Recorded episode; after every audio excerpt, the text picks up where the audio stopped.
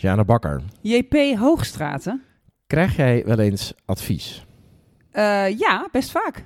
En krijg jij ook wel eens advies waarvan je denkt, wat moet ik ermee? Ja, ja, dat krijg ik wel. Welkom bij een nieuwe boost voor jouw missie No More Boring Learning. Dit is de Brain Bakery Podcast. Zo leuk dat je weer luistert. Een hele nieuwe aflevering. Sjane en ik heten hier van harte welkom bij No More Boring Learning, de podcast. Joehoe! In deze podcast gaan we het hebben over advies. Ja. Als mens word je vaak doodgegooid met advies. Als L&D'er geef je veel advies. Eh, je vraagt ook advies. Je geeft misschien zelfs trainingen over het geven van advies. Ja, Advies is best een belangrijk element in ons leven. En helemaal Precies. als L&D'er. ja. Maar, Sjane, is het nou zo dat elk advies evenveel waard is? Er is een wijs man geweest en die heeft gezegd... Not all advice is created equal. Dus het antwoord is nee. Nee. Nou, dit was de podcast. ja, ja eh, luisteraars, we gaan het hebben over advies. En we gaan het hebben over dat er zijn een soort drie elementen waarop je kan baseren. Hoe waardevol is dit Ja, advies? Die Waarmee je kunt wegen. Ja, Die elementen gaan we uiteraard met je delen. ja. Eh, ja, er zijn dus ook drie soorten adviseurs. Ja. Ook die gaan we bespreken. Ook die zijn van invloed op hoe waardevol is dit eh, advies. Dan krijgen wij mensen tegenwoordig ook heel vaak nog advies over je privéleven of je werk via socials, Ja. social media. ongelooflijk. En daar hebben wij dan ook weer een advies voor. Ja, we hebben een heel beroemd iemand die daar een heel gezond en lekker advies over heeft gegeven. We hebben het ook eh, op de site gezet met een TikTok-filmpje. Kun je terugkijken. En als laatste, als je dan alles hebt afgewogen, die elementen, die adviseursrollen, en je denkt, ik wil nu aan een bepaald iemand advies vragen, dan gaan we het ook hebben over hoe vraag je nou goed, ook om een goed advies. Ja, ja ik ben met een eh, nieuw boek bezig. En dan heb je altijd tegenlezers. En je wilt weten, gaan we nou goed? Gaat het goed? En dan goed advies krijgen, dat vergt echt van je dat je slimme vragen stelt. En niet het zomaar opengooit. En daar Juist. wil ik wel wat over delen. Nou, deze podcast gaat dus bol staan van eh, Van de adviezen. adviezen. ja. Dus laten we daar eens mee beginnen, want het is inderdaad zo, je zei het net al, dat not all advice is created equal. Ja, Wat zit daar nou achter? Hoe zit dat? Er zijn dus drie elementen om op te letten. Laten we daar eens induiken. Ja, dus als eerste nog heel even belangrijk om feedback en eh, advies van elkaar te onderscheiden. Ja. Feedback, eh, het woord back zit erin, gaat bijna altijd over terugkijken naar het verleden. Dat kan soms super waardevol zijn, maar het is slimmer om advies te geven, want advies of om advies te vragen, want advies is toekomstgericht. Hè, als je tegen iemand zegt wat voor feedback heb je, dan gaan ze terugkijken. Als je aan vraagt wat voor advies heb je, dan gaat hij kijken hoe kan Ja, ik je verder helpen naar lekkerder. voren. Dus veel Ja. lekkerder. Maar in die adviseurs zijn inderdaad drie elementen die je moet wegen. En ik denk dat we het allemaal wel kunnen aanvoelen. Soms sta je te trainen of je faciliteert een, een, een bijeenkomst. En daar gaat de ene deelnemer de andere deelnemer advies geven of feedback geven. En dan voel je soms als trainer al wel, ja, dit zou nou net niet het stukje Ja. advies zijn wat ik zou geven. Dit is niet verkeerd, dit klopt ook wel, maar er is een veel belangrijker punt dat ik zie dat als ze daaraan werken, dan worden ze veel sterker, veel beter. Oh, wat zonde deze. En dan zit je soms even, ik krijg eh, daar ook wel mailtjes over en soms LinkedIn berichtjes. Hoe ga je daar nou mee om? Hè? Hoe, hoe doe je dat? Nou, er is dus een, eh, een Venn-diagram voor. En eh, dat kun je gebruiken om je af te vragen, hoeveel waarde ga ik hechten aan de feedback of het advies dat ik krijg van deze persoon? En voor, want we gaan hem uitleggen, uiteraard. Ik denk handig voor de luisteraars. Mocht je nu in de gelegenheid zijn, sommigen zullen dit honden uitlatend luisteren of in de Ja. auto. Maar mocht je ergens zitten, kijk vooral mee op brainbakery.com bij de Brain Snacks. In het artikel die hoort bij deze podcast, van daar zie je dat Venn-diagram ook afgebeeld staan. Dat is Ja. misschien lekker tijdens het luisteren. Yes, ja. Nou, het eerste element in dat Venn-diagram is: is deze persoon is die aan jouw kant? Is die bezorgd voor je? Does he care about you? Het is een Engels eh, Venn-diagram. Dus eh, hebben ze jouw beste interesse voor ogen? Zijn ze voor jou? Zitten ze in jouw team? Dat is eigenlijk de allerbelangrijkste Ja. eerste vraag die je wilt stellen. Want eh, nou, heel veel mensen hebben niet per se jouw belang voor ogen. Die hebben meer iets heel anders voor Ja. ogen. Of misschien wel een tegengesteld Ja. belang. Dus de eerste vraag die je eigenlijk altijd wil stellen is... Zit hij in mijn team? Is, hij, is deze persoon echt voor me? En hoe, waar kan ik dat uit afleiden? Ja. Ja. Tweede element is dan... Hoe geloofwaardig is deze persoon over het gebied waar hij of zij mij nu over adviseert. Dus heeft hij of zij daar 100 jaar ervaring in? Komt hij misschien deze training binnenlopen en begint hij gewoon wat te praten? Ja. Heeft deze persoon er vijf boeken over geschreven? Hoe geloofwaardig, hoeveel jaar ervaring heeft deze persoon op het gebied waar ik nu advies over krijg? Ja. Eh, en het laatste eh, stuk is, in hoeverre kent deze persoon mij goed? In hoeverre heeft hij of zij mij eerder bezig gezien? Dus dit gaat over, ze kunnen inschatten of dit waardevolle feedback of waardevolle adviezen voor mij zijn. Ja, voor mij, met mijn karakter of mijn omstandigheden. Precies, Ja. precies. Met wat ze van mij weten. Ja. Ehm, dus die drie, eh, die wil je eigenlijk een gelijkwaardig gewicht toedichten. En als er één van die drie niet aanwezig is, dan ontstaat dat mooie Venn-diagram. Ja. Dus dat is misschien wel even leuk om naar te kijken. Ja, want daar heb je dus die overlappingen. Dus we hebben Ja. nu ook drie combinaties van deze drie elementen. Ja, En die gaan we eens even bekijken van... hoe moet je dat advies dan wegen? Vanaf Ja. welke plek komt dat advies dan? precies. Ja. Nou, laten, we, laten we eerst even ervan uitgaan dat iemand wel voor jou is. In jouw team zit. in jouw ja. team zit. They care about you. Die willen voor jou wat het beste voor jou is.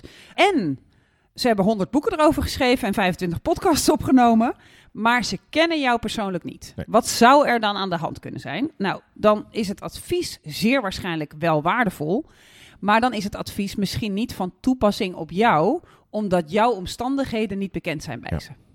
Dus dat is de eerste, als die wegvalt. Ja. Tweede, Dan zou het dus Ja. een algemene waarheid kunnen zijn...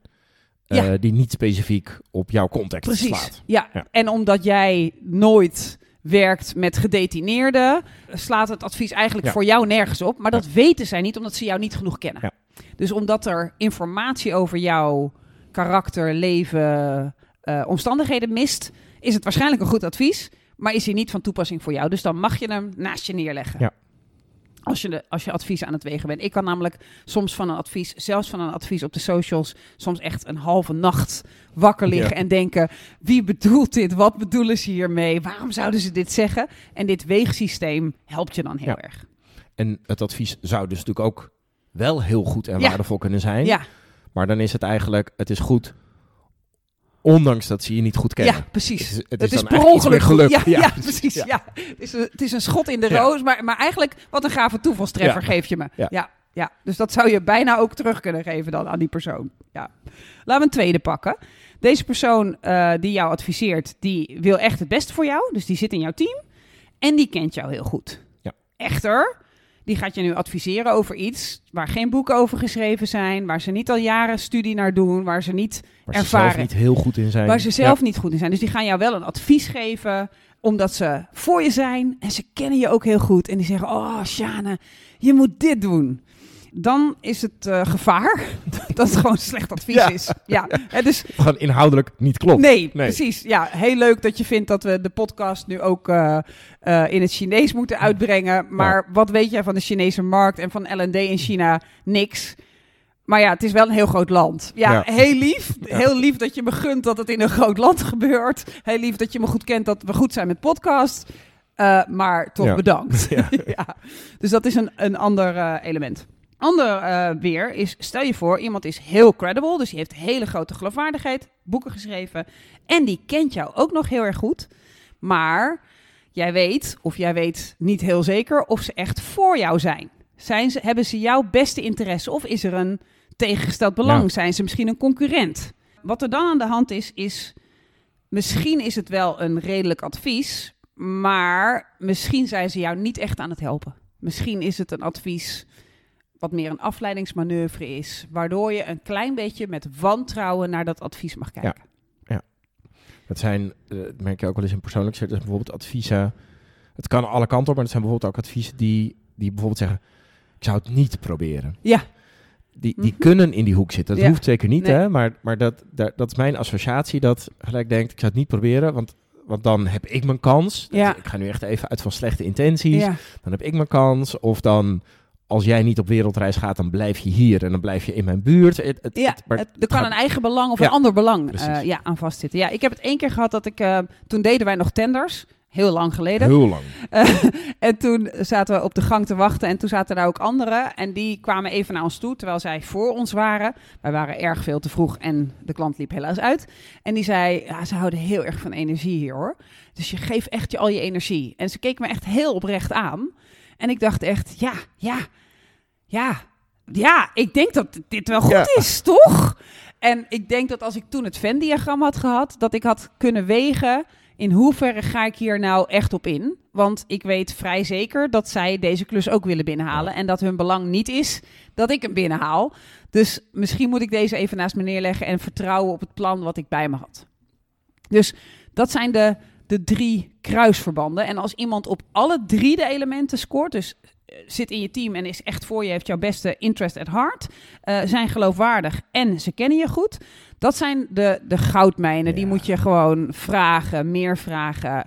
eh, lief voor ze zijn, leuke cadeautjes sturen om te zorgen dat jij je kunt laven aan die super waardevolle feedback. Want en ze zijn voor je, en ze weten er veel van, en ze kennen ook nog jou en je omstandigheden. Ja, dat zijn de meest waardevolle adviezen.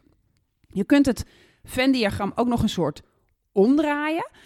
Soms heb je een advies gekregen, dan heb je dat Venn-diagram misschien even niet voor ogen. En dan heb je het gevoel, klopt dit nou? Nou, dan weet je dus, oké, ik zit in de vraag, klopt dit Ja. nou? Oké, dat zit dus waarschijnlijk in dat ze wel in mijn team zitten en ze kennen me. Oh ja, maar ze hebben geen geloofwaardigheid. Dus je kunt ook herkennen aan het gevoel wat je hebt, klopt dit nou? Of, ja, dit is op zich een goed advies, maar is dit nou goed voor mij? Oké, ze kennen me niet. Bedoelen ze nou echt goed? Zo? Ja.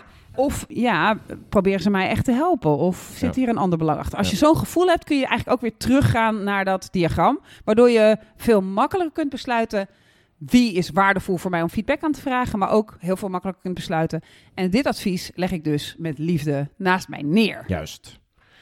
Drie elementen om op te letten als je een advies wilt wegen. In hoeverre ga je luisteren naar het advies? In hoeveel is het waard? Ja, Is het de goudmijn of is het shit? Ja, Ja, is het ja. gewoon lekker links laten liggen? ja, ja. En, en het, ik denk dat het onze L&D-vrienden ook kan helpen. Vrienden van onze show. eh, om soms te bedenken hoeveel tijd geef ik zelf feedback en hoeveel tijd laat ik de collega's feedback geven. Als de collega's heel veel kennis hebben over het onderwerp waar je mee bezig bent, het zijn allemaal ervaren salespersonen, ja, bouw veel ruimte voor ze in. Ja. Eh, ze kennen die persoon die getraind wordt waarschijnlijk ook beter dan jij. Ja. Dus hun advies is misschien meer waardevol dan dat van jou. Jij hebt alleen de credibility, maar je kent ze niet en je bent wel voor ze. Dus je kunt hem niet zo goed fine-tunen. En soms dus ook, oké, we zitten hier in een trainde trainer. Voor iedereen is trainde trainer nieuw. Hoeveel feedback ga ik de trainde trainer collega's in de training laten geven en hoeveel geef ik zelf? Ja. Daar kun je dan een andere afweging in maken. Dus Ja. daar vind ik hem ook heel fijn voor. Ja, zeker. Ja, en dat is dus ook een argument. Het is eh, inderdaad in bepaalde context tegen eh, de bekende tip- en top-rondjes. ja. Nadat iemand geoefend heeft of een presentatie heeft gegeven. Als zij daar inhoudelijk niet heel veel verstand van hebben. en je zit precies wat je net zegt, allemaal in dezelfde context. omdat het allemaal nieuw is. Ja. Ja, dan is dat dus ja, niet dan kennen ze de persoon wel, maar ze caren misschien ook nog wel om hun collega. Soms kun je daar trouwens ook wel aan twijfelen. Maar de geloofwaardigheid is gewoon heel Ja. laag. Ja, Nou, dan hadden we gezegd, eh, behalve deze drie elementen zijn er dan ook drie soorten adviseurs. ja. ja, dat vind ik heel leuk. Dat komt van Adam Grant. Eh, hij schrijft en zegt dat er eigenlijk drie C's zijn. Dus dat is wel eh, goed. Hij zegt, je hebt de critical persoon, hè, de, de criticcaster. Je hebt de cheerleader en je hebt de coach. En hij zegt, je moet eigenlijk alleen coaches willen in je leven. Hij zegt, wat de criticcaster doet, de critic, die ziet eigenlijk jouw zwakte.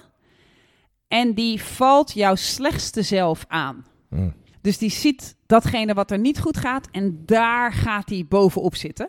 Dus die gaat niet denken aan jou op je beste dag. Nee. Die gaat jou ook niet in de omstandigheden brengen van de beste dag, maar die gaat your worst self gaat die aanvallen. Dus dat is eentje waar je eigenlijk nooit naar wilt luisteren. Nee. Hoe status, hoeveel status die persoon ook heeft, maar als het vanaf die plek komt, ban ze uit je leven. Komt dat dus ook vanuit een slechte intentie? Eh, ja, dat, dus zo definieert hij het. Ja. En hij zegt ook dat heel veel van de narigheid die online over mensen heen wordt gegooid, daar vandaan komt. Ja. Hè? Van de toetsenbord warriors die denken, nee, jij hebt een leuke bek, hou verder, ja muil. Die gewoon helemaal losgaan Ja. op iemand.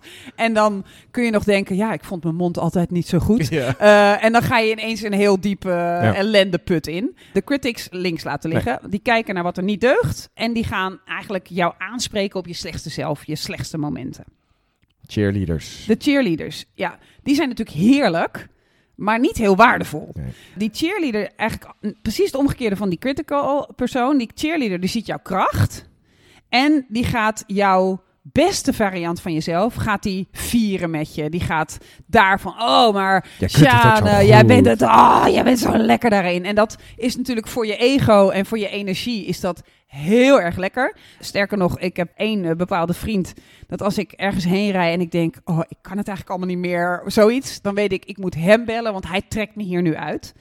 En dat is dan op dat moment super waardevol. Alleen inhoudelijk is het minder waardevol. Ja. Dus de cheerleader, eh heb de persoon in je leven, maar die gaat niet als jij zegt, wat mist er nou aan dit hoofdstuk? Dan, gaat, dan krijg je terug, woehoe, dit is een geweldig boek, ik zou het zeker Ja. kopen. Ja, leuk, maar ik zit vast met dit hoofdstuk. Ja. Dus die, dan heb je niks aan de cheerleader, behalve dat je een fijn gevoel krijgt. En dan de coach. Ja.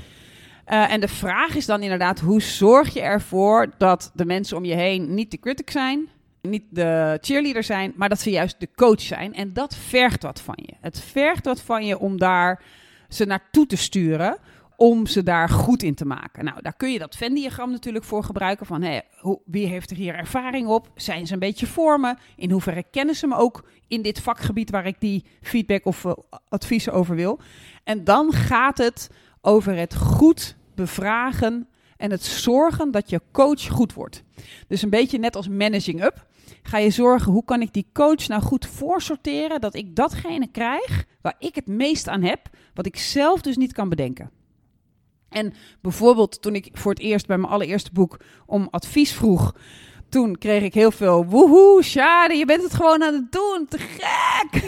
Eh, Live the dream. ik, ja, en ook, van, en ook met als ondertoon, ik doe het nog steeds niet, terwijl ik het eigenlijk ook wil. Dus wat goed dat jij het wel doet. Nou, super lekker bedoeld, maar inhoudelijk weinig waardevol. Ja. Dus voor het huidige boek heb ik met mijn eh, co-auteur hebben we een aantal vragen afgesproken die zorgen dat we iemand in de coachrol drukken. Want mensen hebben een neiging om of de rode pen te pakken en echt je hele boek aan gort te strepen. Dat is mij ook al overkomen. Dan moest ik twee Oh. maanden bijkomen Oh. voordat ik het weer Ja. opendeed. Of ze zijn de cheerleader. En eigenlijk aan beide heb je geen hol. Nee. Niet als je echt om advies verlegen zit. En dat moet je dan gaan bevragen door echt slimme vragen te stellen.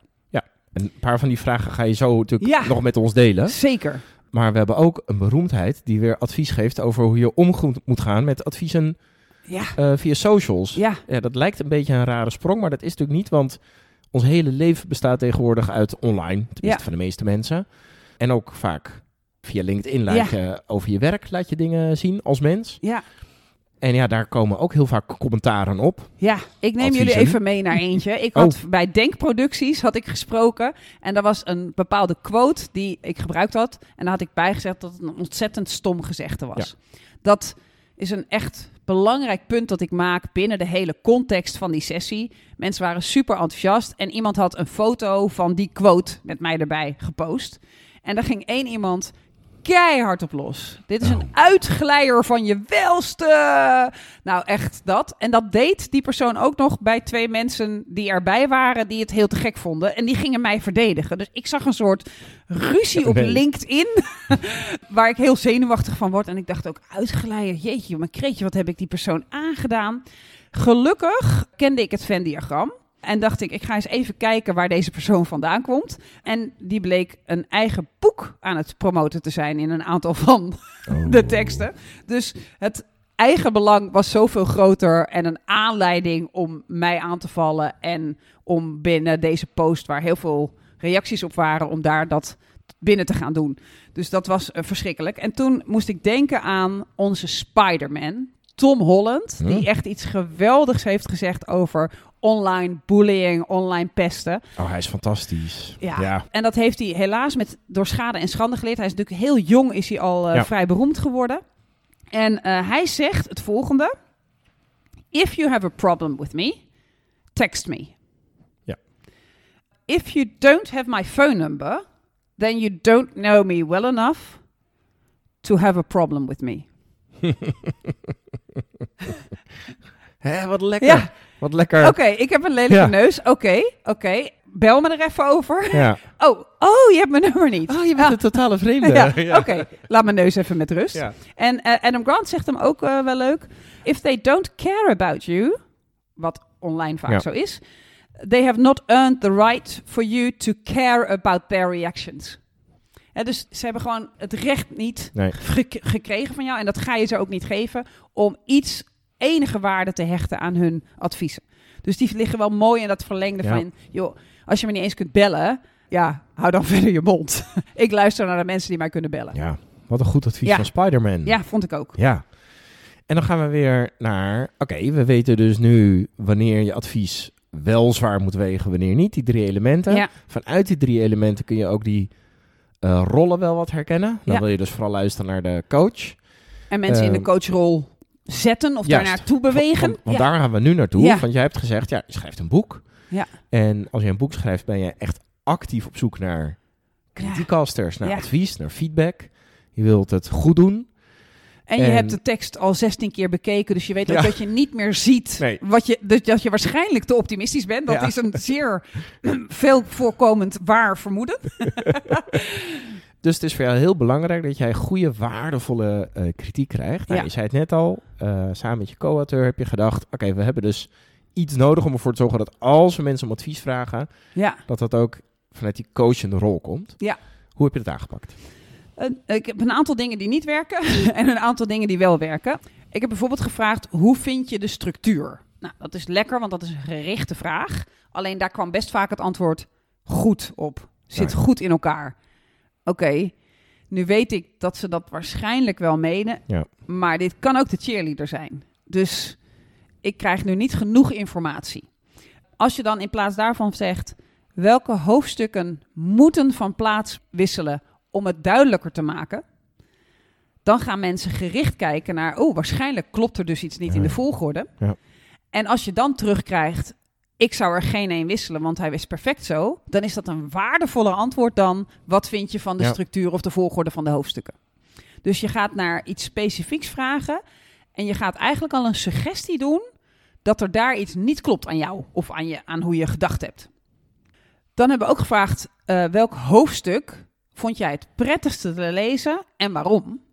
En ook, welk hoofdstuk zou jij schrappen? En je moet er één kiezen. Kijk, een soort kleurbeken Ja. vraag. Ja. Ja. En, en daar merk ik van dat dat het aller, aller, allerbeste werkt. Oh. Dat je tegen mensen echt zegt... er moet er één weg, of er is er één fout. Of ik vraag ook wel eens, hè, dan heb ik een, een keynote gegeven. Iedereen is super blij, iedereen staat lekker te borrelen. En ik zeg tegen de opdrachtgever, hey, hoe vond je het? Ja, ja, heel goed. Dan helpt het meer als ik zeg, ja, en wat deed ik nou echt fout? Wat was echt iets waarvan je echt even je billen samenkneep en dacht, oh nee. Dan komt er waarde. Ja. Want al die andere dingen zijn natuurlijk heel fijn om te horen. Oké, je steekt even de thermometer in. Gelukkig, ze zijn happy. Dat is fijn, want ik ben altijd nog nerveus. Maar dan doorvragen op... En welk ding moet er nou anders? Waar moet ik echt mee stoppen? Wanneer had je eh, een verhoogde hartslag van de blijdschap? Maar ook wanneer had je er een van het niet? En soms moet je daarbij mensen verleiden om ze te zeggen... Ik wil even drie goede dingen van mezelf horen en ook één echte nare. Waardoor je hen over de drempel heen helpt. Want dan weten ze, oké, ik mag drie. Je geeft ze eigenlijk een soort permissie om die afschuwelijke feedback sandwich te gebruiken. Geef maar drie goede. Ja, ja. Als ik maar één Ja. waardevolle echte krijg, waar ik eh, beter in kan worden.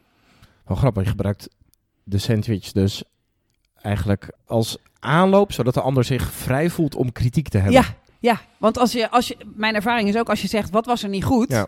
Dan denken ze, oh, die vrouw ze is depressief. Dit gaat niet goed. Ik moet haar eerst cheerleaden. Ja. En dan krijg je alleen nog maar cheerleader antwoorden. Dus het helpt om ze ook permissie te geven om te cheerleaden. Als je denkt dat dat eh, goed is. Hè? Ja. Als jij van een podium afstapt of uit een training loopt en je... Nou ja, iedereen is huilend en woest naar huis gegaan en het doel is helemaal geëxplodeerd. Dan zou ik die niet Mm, inzetten. nee, Maar, maar als je merkt dat mensen niet graag die coachrol in willen, dan kan het soms helpen om ze te verleiden om te vragen: joh, geef me even drie goede dingen en één echt zwaar kritiekpunt. Ja. Echt. Eentje waarvan je misschien bijna buikpijn krijgt als je moet zeggen. Lekker. Dan Ja. krijg je vaak waarde. Als die persoon in dat Venn-diagram een beetje alle eh, de drie de cirkels Ja. eh, tikt. Dus of ze keuze laten maken. Eh, die keuze kan zijn, hoe moet de volgorde anders? Wat moet eruit? ehm, van deze drie dingen mist er zeker nog één. Welke zou er absoluut toegevoegd moeten Precies, worden? Zoiets ja, keuze heel laten concreet, maken. ja. Of dus ze op deze manier verleiden tot het geven van kritiek. Door Ja. bijvoorbeeld te zeggen, hoe was het? Oh, hartstikke leuk. Oh, wat vond je zo leuk? En deel dan ook hetgene dat het minst goed was. Ja, ja. Precies. Ja, en dan een ratio van 1 staat tot 3. Ja. Dat helpt dan veel voor mensen, want dan denken ze... Nu komt het minder erg Ja. bij je aan. Ja. Nu, nu heb ik je drie rozen gegeven en daar, daar één, één trap in je kruis. Die kun je nu hebben. Ja. Lekker hoor. ja. Ja, dus niet elk advies weegt even zwaar. Niet elk not, advies. all uh, not all advice is created equal. Ja, mooi hè. Eh, Ja, ja. Dus mocht je weer een training hebben gegeven, mocht je een goed voornemen uitspreken in je leven, mocht je plannen hebben in je leven en er komen mensen met, ik hoop in ieder geval voor je, goed bedoelde adviezen, ja. denk even, zitten ze echt in mijn team? ja. Kennen ze mij goed en mijn omstandigheden goed? En weten ze het waar ze over Ja, hebben? Hebben ze er een beetje Ja, verstand ze van? er een beetje verstand Ja. van. Ja, bij die drie, als dat een ja is, dan heb je een goudmijn te pakken. Heel veel plezier met het goud delven en heel graag tot de volgende podcast. No more boring learning. Dit was de Brain Bakery podcast. Wil je meer weten? Kijk dan op brainbakery.com of volg ons op onze socials.